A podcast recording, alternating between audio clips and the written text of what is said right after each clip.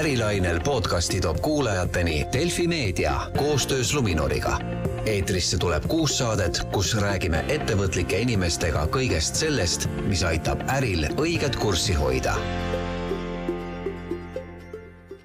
no tere, head inimesed, kuulama Luminori podcasti Ärilainel. meedias on suhteliselt palju räägitud sellistest no markantsematest näidetest, kus eraisikutelt on välja petetud ikka hullumeelselt suuri summasid ja hiljuti on meedias olnud ka teavituskampaania, mis kutsub inimesi üles tähelepanelikkusele ja ettevaatlikkusele et kurja mitte üsna kavalaks muutunud pettuste ohvriks mitte langeda. samas aga öeldakse, et suurimat kahju tekitavad hoopiski ettevõtete pihta suunatud pettused ja mõnede rahvusvaheliste uuringute väitel läheb igal aastal petturite taskusse suurusjärgus viis protsenti maailma ettevõtete tulust, mis äh, pidada olema lausa uskumatu üle nelja triljoni euro suurune summa me tänases saates võtamegi tähelepanu alla just ettevõtted ja nende vastu suunatud petuskeemid ja arutame, kuidas pettuse ohvriks langemist vältida. stuudios on täna Luminori pettuste tõkestamise spetsialist Veiko Kiik, tere! tere! ja Põhja prefektuuri kriminaalbüroo küber- ja majanduskuritegude talituse juht Hannes Kelt. tere! Mina olen saatejuht Tanel Talve. no ma mäletan äh, kunagi väga ammustest aegadest äh, sellist legendaarset lugu ühest mehest, kellel tuli selline äge äriidee, et äh, mõtles, et hakkab lihtsalt arveid välja saatma suurematele ettevõtetele ja ja noh, tehtud-mõeldud, nagu öeldakse. ja, ja selgus, et näe, osad isegi maksavad ja, ja ta jätkas sellega vist päris pikka aega, kuni vist jäi sellepärast vahele, et muutus ahneks. et hakkas liiga suuri summasid kirjutama sinna ja siis keegi taipas hakata vaatama, et mis, mis arve see siis täpsemalt selline on mismoodi vahepealne aeg on nüüd olnud, et ma, ma arvasin, et sellised noh, ikka väga labased libaarvete äh, teemad on kuidagi nagu minevikku jäänud, aga ma ei tea, vaadates natukese ringi, siis sellised Nigeeria petukirjadega eh, raha väljapetmised ka ettevõtete puhul vist täitsa alles veel jätkuvalt ja jätkuvalt inimesed isegi lähevad õnge. et eh, ma ei tea, kuidas teil panga poolt vaadates see olukord on? jah, peab tunnistama, et et äh, kui vaadates äh, kelmide tegevust, mis on suunatud just ettevõtete vastu, siis petuskeemid ei ole kuhugi kadunud tänapäeval. et äh, vastupidiselt, ettevõtted on täiesti sihitavad ja nagu ka mainitud, siis võrreldes eraisikutega, ettevõtete puhul tihti siis nii-öelda kahju on ka suurem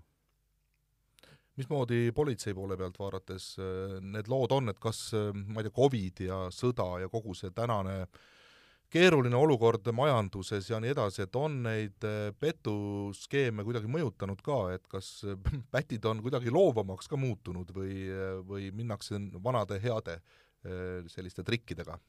no kelmust peetakse ikka ajaloos vanuselt teiseks ametiks üldse, et et äh, kindlasti ei, ei, ole nad kuskile kadunud ja ja võib-olla viimaste aastate lõikes on eriti näitlikult äh, näha, kuidas nad kohanduvad sellele ühiskonnale ja sellele, mis maailmas toimub, et et kui Covid äh, puhkes, siis äh, libaarved olid automaatselt kohe maskitellimuste eest ja nii edasi, et et nad kindlasti on hästi nii-öelda kaasajas, hoiavad ennast äh,, hoiavad ka nii-öelda konkreetsemate riikide aktuaalsete teemadega kursis ja, ja, ja, ja, ja täpselt oma sellised nii-öelda pettuslikud skeemid punuvad kõike selle, selle, selle ümber. Mis need täna kõige siis, sellise asja kohta üldse saab öelda, aktuaalsemad äh, noh, mured on või, või kus need kõige keerulisemad momendid on, mida võib-olla ka noh, ettevõtetes töötavad ju lihtsad inimesed tegelikult samamoodi, et, et nemad ju lähevadki õnge, alati ongi küsimus ju vist inimestes ikka rohkem, mitte tehnoloogias. et, et mis need jah, aktuaalsemad mured täna on? no meie poolt vaadates esimene selline pead tõstev trend võib-olla on, käib sellise hooajaga kaasas ja selleks on selline küttega seotud mured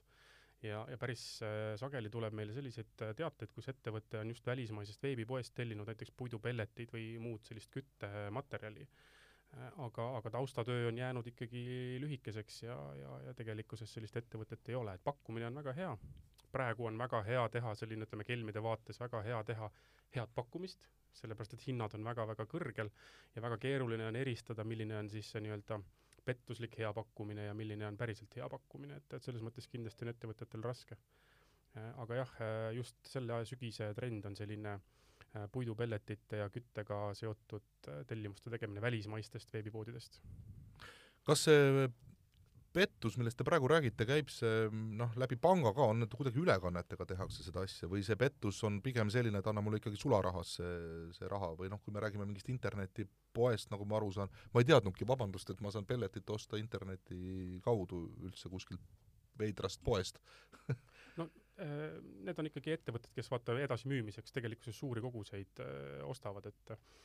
ikka on võimalik. Äh, ja ei, tänapäeval reeglina käib ta ikka, rahad liiguvad läbi digitaalsete kanalite, et et muidugi mõned aastad tagasi oli täiesti tavaline, kui a la Bauhofi lattu ilmus äh, mees, kellel olid välja prinditud paberid, et näed, mul on arve makstud ja sõitis koormatäie ehitusmaterjalidega välja, et et aga see on ikkagi pigem juba tahaplaanile jäänud, täna ikka käib läbi digitaalsete kanalite kõik. no siis ju peaks olema asi kuidagi lihtne, eks ole ju, et teie panga esindajana ma tulen, ütlen, et mul nüüd selline loll lugu juhtus ja te kannate ju raha tagasi, eks ole, ja asi on kohe korras ja nii lihtne see ongi, eks? jah, oleks vaid nii lihtne et ikkagi peab tõdema seda vana, vana tarkust, et äh, esiteks raha mitte välja anda on palju parem, kui seda pärast siis äh, minna tagasi küsima et äh, kui juba äh, inimene on pettuse ohvriks langenud või siis ka ettevõte, et äh, siis raha tagasisaamine tegelikult sõltub väga mitmest asjaolust. et üldistatult võib öelda, et mida rohkem aega läheb pettuse toimepanemisest mööda, kuni selle hetkeni, millal panka teavitatakse, seda vähemaks see tõenäosus jääb. Et ühesõnaga, kokkuvõtvalt võib öelda, et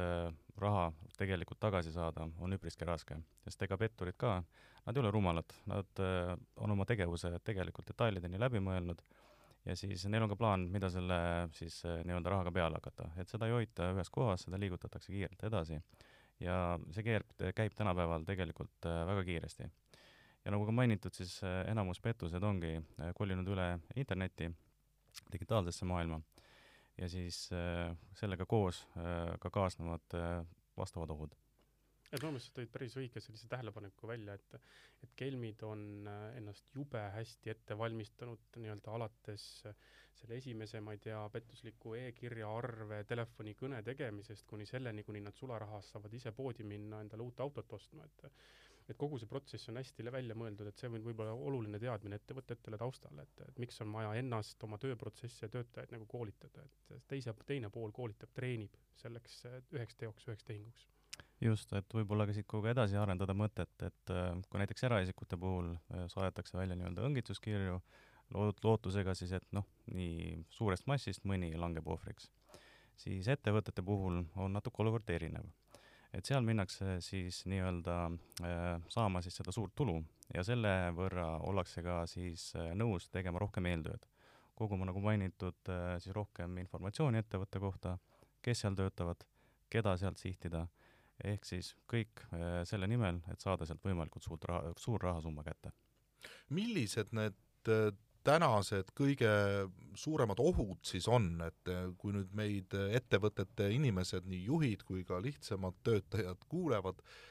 et mille, mille suhtes nad peaksid olema eriti tähelepanelikud just praeguses ajahetkes? et kui panga poolt üldistada, siis meil nii-öelda Äh, on silma jäänud kolm sellist põhilist äh, skeemi, et nagu varem mainitud valearvepettused ja need äh, seesama vana hea ikka siis, et saadan jah, lihtsalt arve ja äkki keegi maksab ära? just, aga need, nagu ka mainitud, arenevad. kogu aeg mõeldakse uusi erinevaid versioone välja, kuidas seda teha, kellele seda teha, millisel viisil, et see on kogu aeg pidevas arengus. ja samamoodi ka üks selline siis teine alalõik, alaliik on siis tegevjuhi pettused. ehk siis äh, maksesoov äh, saadetakse siis ettevõttes sellele isikule, kes siis äh, on äh,, kellel on siis võimalik äh, makseid teostada ettevõttes äh, ning siis, kui äh, siis see näiline äh, maksekäsk äh, tuleb äh, kõrgemalt poolt äh, mingisuguselt juhilt,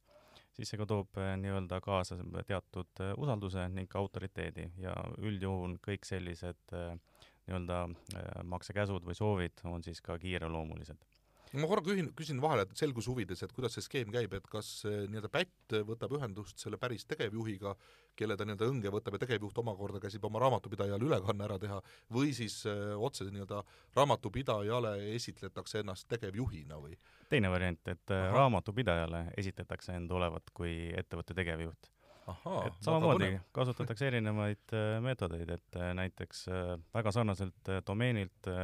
tehakse siis nii-öelda ametliku emailiga väga sarnane email, emaili aadress, kus pealt siis saadetakse kiri välja, otsitakse infot varasemate koostööpartnerite kohta, võib-olla saadakse ka kätte mõni nii-öelda arvenäidis, arve peal muudetakse ära siis kindlasti kontonumbrid ja siis see saadetakse siis ettevõttes isikule, kes on siis volitatud tegema makseid ja kui sellele nii-öelda valearvele ei pööratagi piisavalt palju tähelepanu, näiteks äh, arveid on vaja maksta mitu, siis äh, võibki juhtuda, et äh, läheb selline pettus läbi. nii, ja mis see kolmas variant on veel, et me rääkisime nüüd libaarvetest, tegevjuhi pettusest, mis see kolmas selline levinum õngitsemine on? See ongi siis üldisem äh, selline õngitsus äh, läbi siis kas SMS-ide või siis ka e-kirjade, kus siis äh, üldisemaks eesmärgiks ongi saada kas siis isiku või pangaandmeid. et sinna alla võib põhimõtteliselt hõlmata väga palju. et alates nii-öelda tavaliselt, tavalistest SMS-idest, mis on näiliselt saadetud panga poolt, et on vaja kas mingi tehing kinnitada, mingi tehing on blokeeritud, konto on blokeeritud ja nii edasi, need kogu aeg muutuvad või siis lihtsalt mingisugune email, kus siis küsitakse kas näiteks sisselogimise andmeid, mingeid muid andmeid, millega siis äh, üritatakse siis sellelt isikult kätte saada tema siis äh, kas isiku või siis näiteks pangaandmed no ma siin sissejuhatuses saatele tõin üsna huvitavaid numbreid välja, mida on siis äh, rahvusvahelised uuringufirmad äh, välja arvutanud, et no need on ikkagi müstilised, äh, vähemalt meiesuguste lihtsate inimeste jaoks, aga kuidas Eestis olukord tegelikult on, et kas on väga suur probleem nüüd meie ühiskonnas või noh, selline tavapärane kui seda üldse nii võib nimetada? no tavapäraseks ei tahaks kuidagi seda nimetada. et kindlasti on, on probleem ja ennekõike see probleem tegelikkuses tuleneb tänapäeva kelmuste puhul sellest, et seda tehakse massskaalal. et kuigi on olemas ka eraldi selline phishing'u alaliik nagu whaling on ju, mis on suunatud just äh, selliste tegevjuhtidelt ja väga kõrgetelt vastutavatelt isikutelt andmete kättesaamine või nende mailbox'ide ülevõtmine. Äh,, aga, aga tegelikkuses massiga lüüakse ja, ja see on tegelikult selline suurem oht, et, et meie inimesi sisuliselt igal sammul äh, varitseb see tõenäosus, et noh, iga inimene võib ise vaadata, mitu meili tal tuleb päevas, mitu sõnumit ta täna sai ja selle järgi saab tegelikult öelda, et kui üks nendest on iga päev kelmilt, et, et siis see oht on suur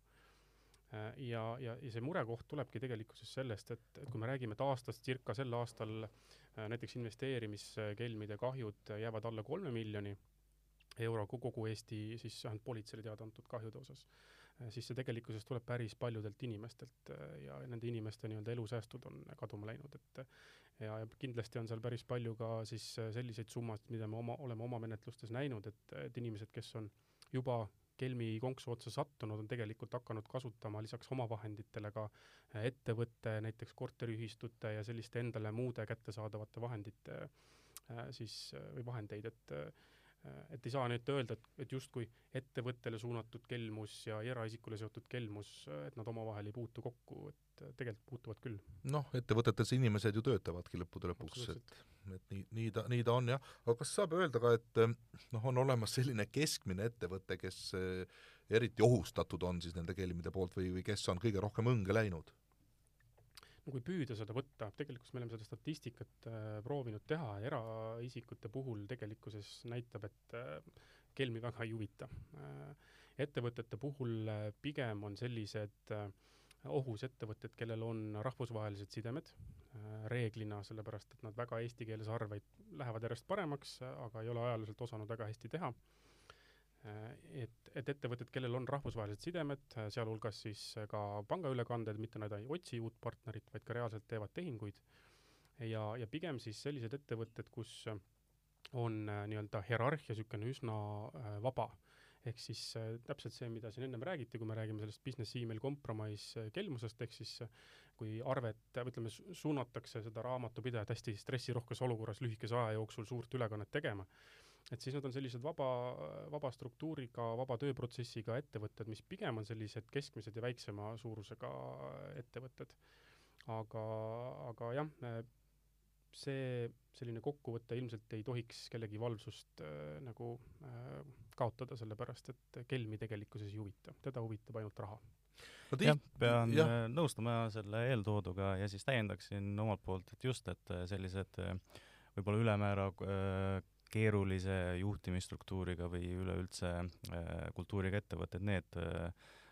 võivad nii-öelda natukene eelistuda. samamoodi kindlasti ka need ettevõtted, kes ei pööra piisavalt tähelepanu turvalisuse küsimustele ning oma töötajate koolitamisele aga igal juhul ei saa öelda vist, et äh, ainult suurettevõtted on nüüd need, kes peaksid kõige rohkem hirmu tundma, et küllap neid väiksemaid äh, püütakse ka haneks võtta. jaa, kindlasti, et see ei ole üksnes suurettevõtete probleem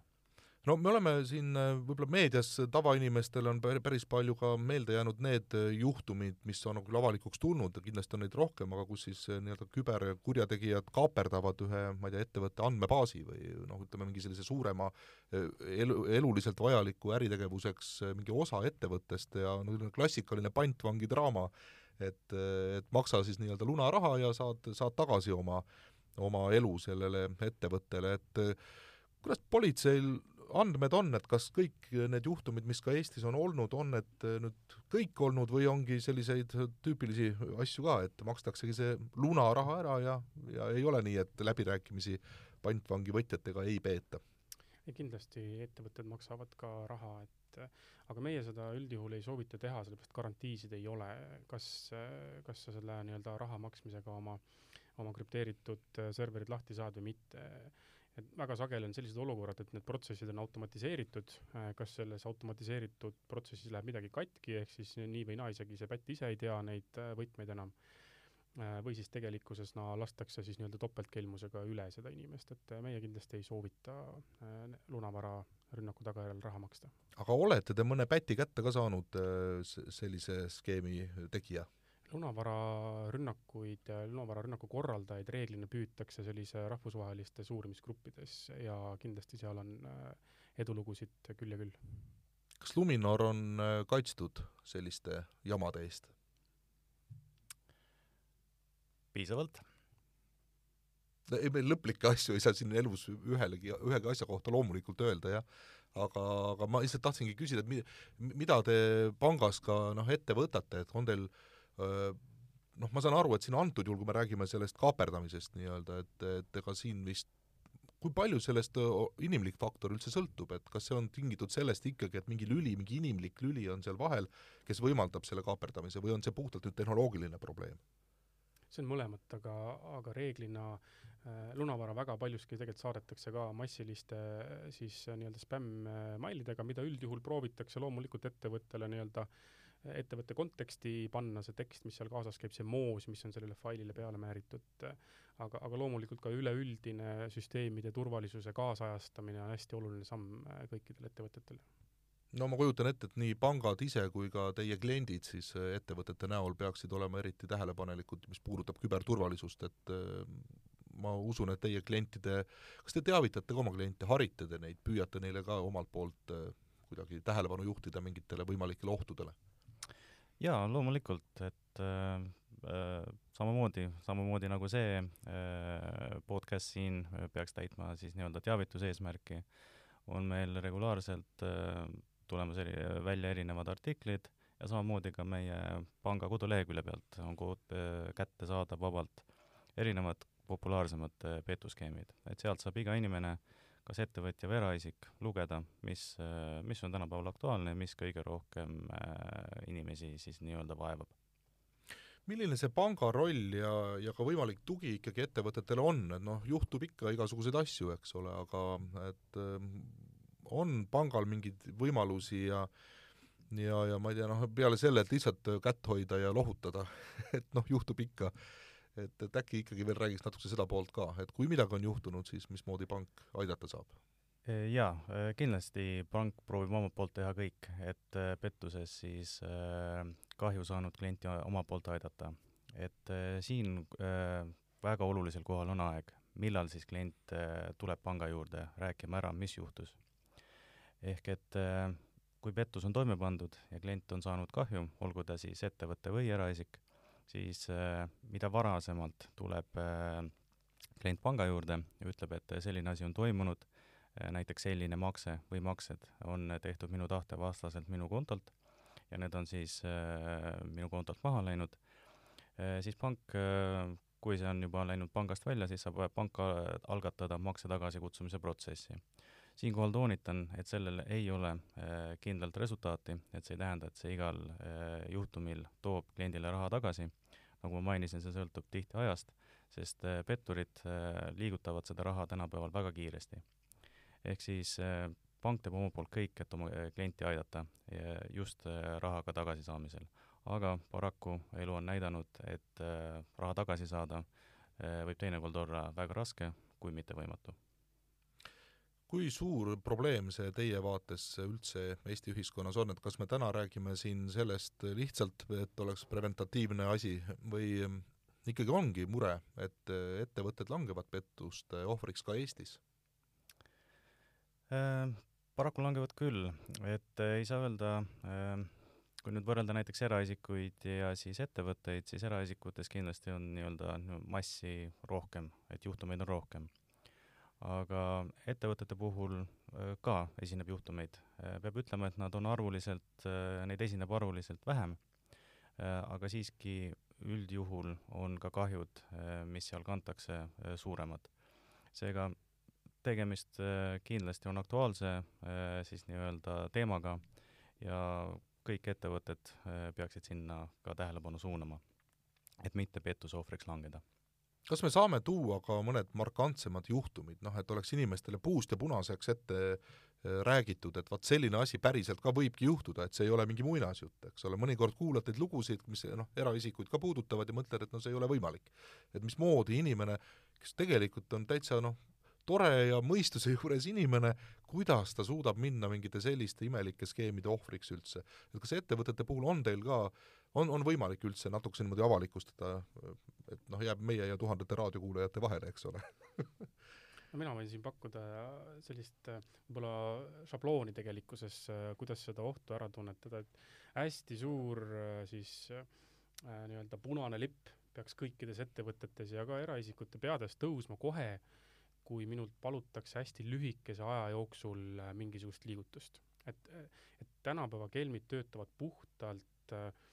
stressi üleslükkamisega hästi lühikese aja jooksul. Äh, näiteks saadetakse SMS, et teie konto on blokeeritud, selle avamiseks äh, logige kohe siit panka sisse. et, et see on, loomulikult inimesel läheb kohe närvi, et mul on säästud, homme on vaja maksta, ma ei tea, lapse mingisugune trenn ära ja pangalaen on ka veel maksmata. et selles mõttes inimesel lähevad kohe, läheb stress üles ja, ja makstakse, kohe hakatakse nagu siis seda nii-öelda ennast kaitsma. ja sel hetkel siis selline kriitiline mõtlemine nagu kaob ja sama on ka näiteks äh, nende ettevõtete vastu suunatud äh, muudetud arvete rünnakutega, kus, või ütleme siis raamatupidajate vastu võib täpsemini öelda selle puhul, et samamoodi ülemus lajatab alt ühe lausega, palun see arve kähku poole tunni jooksul ära maksta, et ja see, on ebatavaline, et kohe no okei okay,, selge, et hakkan tegutsema, et et sealt nagu siis võetakse ära selline loogiline mõtlemine selle stressiga ja see on selleks äh, võib-olla kõige suuremaks ohumärgiks üldse lühikese aja jooksul on vaja kohe teha varakäsutus, kas siis ülekanne või mingi muu tehing, et et see on väga suur ohumärk. just, ja kui siis üldiselt täiendada ettevõtete puhul ongi, et sellist, vähemalt meie puhul, mida me oleme täheldanud, kaks sellist kõige nii-öelda ettevõtteid mõjutavamat petuskeemi ongi siis valearvepettused ja siis võlts tegevjuhi pettused. et just nagu enne mainitud ka Annese poolt, et äh,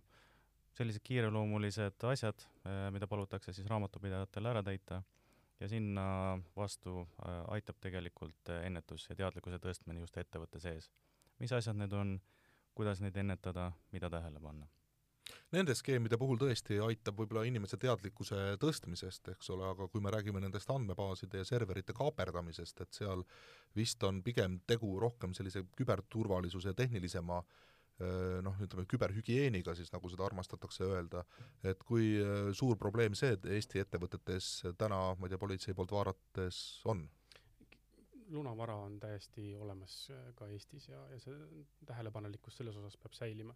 aga noh, reeglina nõrgaks lüliks on seal ikkagi inimene, et kas on siis mingisugune ettevõtte töötaja, kes äh, klikkab kuskile, kus ta ei peaks äh,, või on ta siis äh, mingisugune võib-olla administraator, kes äh, ei, ei hoia ennast kursis, et on uus muudatus tulnud äh, piisavalt äh, kiiresti, et aga, aga, aga reeglina selleks nõrgaks lüliks on ikkagi äh, inimene. ja võib-olla mitte ainult inimeste teadlikkuse tõstmine ei ole niisugune ainukene asi, mida ettevõtted saaksid enda kaitsmiseks ära teha, et äh, ma soovitan väga ka vaadata tööprotsessid üle sellistes kohtades, kus toimub mingisuguste ma ei tea, lepingute allkirjastamine, kinnitamine, pangaülekanded äh,, nõuete väljastamine, vastuvõtmine, et nendes kohtades võib-olla tasuks äh, oma tööprotsessid üle vaadata ja, ja miks mitte sinna lisada mingisuguseid reegleid, noh näiteks raamatupidajale enne ülekannet nelja silma reegel et ei saa raamatupidaja ainuke, ainuisikuliselt nagu seda ülekannet siis kinnitada, et keegi teine peab selle viimasel hetkel veel korraks üle vaatama. Äh, kes, kes võib-olla toob sellist nagu ilma stressita, et raamatupidajale viiakse stress üles, aga, aga keegi teine vaatab ilma stressita või näiteks küsin ülemuselt telefoni teel üle, äh, kas see, kas see makse ikkagi on õige või mitte, et äh, et niisugused väiksed sammud iseenesest võivad päris asjalikud olla. just, ja kui edasi minna näiteks kontrollimise juurde, siis samamoodi näiteks, kui on tulnud äh, mingisugune maksenõue näiteks emaili kaudu, siis äh, kunagi ei tasu vajutada sinna ja küsida nõu reply nupu kaudu. et äh, selleks, et üle küsida, kas see siis arve või siis saadetud maksenõue on päriselt ka tõsi, siis tasuks selleks kasutada juba varasemalt teadaole, teadaolevaid kontakte ning eriti hea oleks, kui seda tehakse läbi teise kanali. näiteks kui arve saadeti emailiga, siis oleks mõistlik juba teada olnud äh, äh, telefoni teel üle küsida, kas tõesti see arve saadeti, kas on päris arve ja siis vajab maksmist. et siis äh, vältida seda, et lõppkokkuvõttes satutakse suhtlusesse petturiga nojah, tundub nii, et ega see noh, võib ju esmapilgul olla nii, et teeb ju ettevõtte töö nii keeruliseks, eks ole, noh, see on samad nelja silma reeglid, eks ole, asjad, no mõni ettevõte mõtleb, et noh, mis mul seda ikka nüüd nii keeruliseks vaja ajada on, aga no kui sa pead lõpuks äh, kahju kannatama juba sellises ulatuses, et vaata, et ettevõte läheb hingu selle pärast seda, no siis vist äh, tasub inimestele ja ka ettevõtjatele südamele panna, et need on tähtsad momendid ja need tööprotsessid, millest on väga oluline minu meelest öelda inimestele, on, on tark üle vaadata. mis siis, et noh, nii-öelda bürokraatiat juurde võib tulla jah, et eks ta lõppkokkuvõttes on ju iga ettevõtte nii-öelda justkui enda risk, on ju, et aga, aga ma arvan, keegi, kõik saavad aru, et et niisugustele vasakule-paremale oma raha kandmine ja kaotamine ei ole kasulik, et, et eriti praegustel aegadel, et kindlasti mõtleme selle peale kõik. ja oluline ka vist meelde tuletada, et küberturvalisus ei tähenda tingimata ainult tehnoloogilist eh, mingit jumpstükki, et paned aga kahe juhtme vahele mingi kasti ja siis on sul turvalisus tagatud, et ikkagi taandub suures osas inimestele, eh, töötajatele, juhtidele. jah, loomulikult kuidas siia saate lõppu võiks inimesi veel eh, nii-öelda siis lohutada või julgustada, et eh, nii mustades toonides meie saade ka nüüd ei, ei lõpeks, et mida teha, kui selgub, et ettevõte on rünnaku all või et mingid imelikud skeemid tunduvad siin teoksil olema, et mida see ettevõte või ettevõtte juht peaks tegema? kui siis ettevõte on langenud pettusohvriks, siis esimesel võimalusel kindlasti teavitada oma panka et selline asi on juhtunud ja et äh, siis pangaga koostöös siis üritada leida siis äh, lahendus. samuti kindlasti teavitada ka koheselt politseid. absoluutselt ja täiendavalt võiks sellest ka oma ettevõtte sees tegelikkuses rääkida, et läbi sellise võib-olla, kui muidu inimesed õppepäevadel ei, ei suuda nagu aduda või siduda seda oma igapäevategevusse, siis sellised konkreetsed näited, et keegi sai ühe meili, mis näeb imelik välja, et et äh, seda kohe lahata ettevõtte sees, tõmmata korraks viieks minutiks inimesed kokku, näidata, näed, praegu levib niisugune asi, olge tähelepanelikud, et äh, aga loomulikult teavitage politseid. ja võib-olla positiivse noodina ongi siia hea öelda, et me tegelikkuses näeme hoopis nende positiivsete teadete kasvu. Äh, juba viimase, ütleme, aasta-pooleteise jooksul oluliselt rohkem inimesi teavitab meid sellest, et näed, sain SMS-i, sain sellise kõne, mulle tuli selline meil